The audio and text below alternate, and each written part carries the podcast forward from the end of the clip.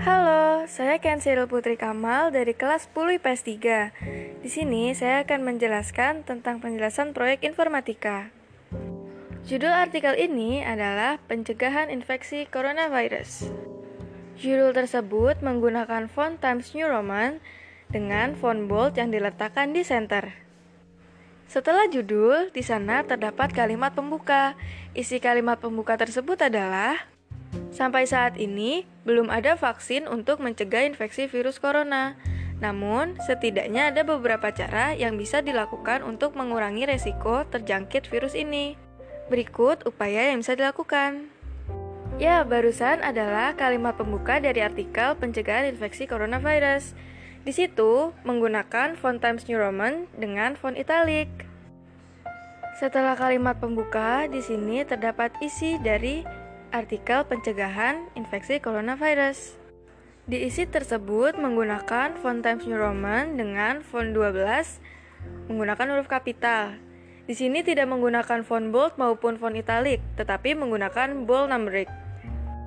Isi dari artikel pencegahan infeksi coronavirus tersebut adalah sering-seringlah mencuci tangan dengan sabun dan air selama 20 detik hingga bersih.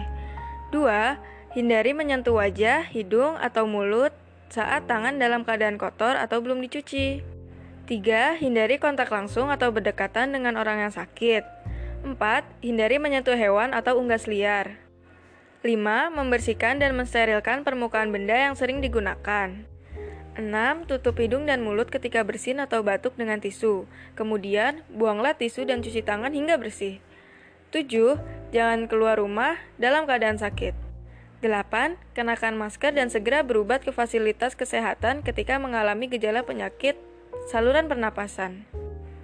Dan selanjutnya, yang terakhir ada kalimat penutup. Isi kalimat penutup tersebut adalah, selain itu, kamu juga bisa perkuat sistem kekebalan tubuh dengan konsumsi vitamin dan suplemen sebagai bentuk pencegahan dari virus ini. Temukan berbagai produk pencegahan virus corona yang kamu butuhkan di Halodoc. Kalimat penutup tersebut menggunakan font Times New Roman dengan underline dan bold. Sekian penjelasan saya tentang proyek informatika. Terima kasih.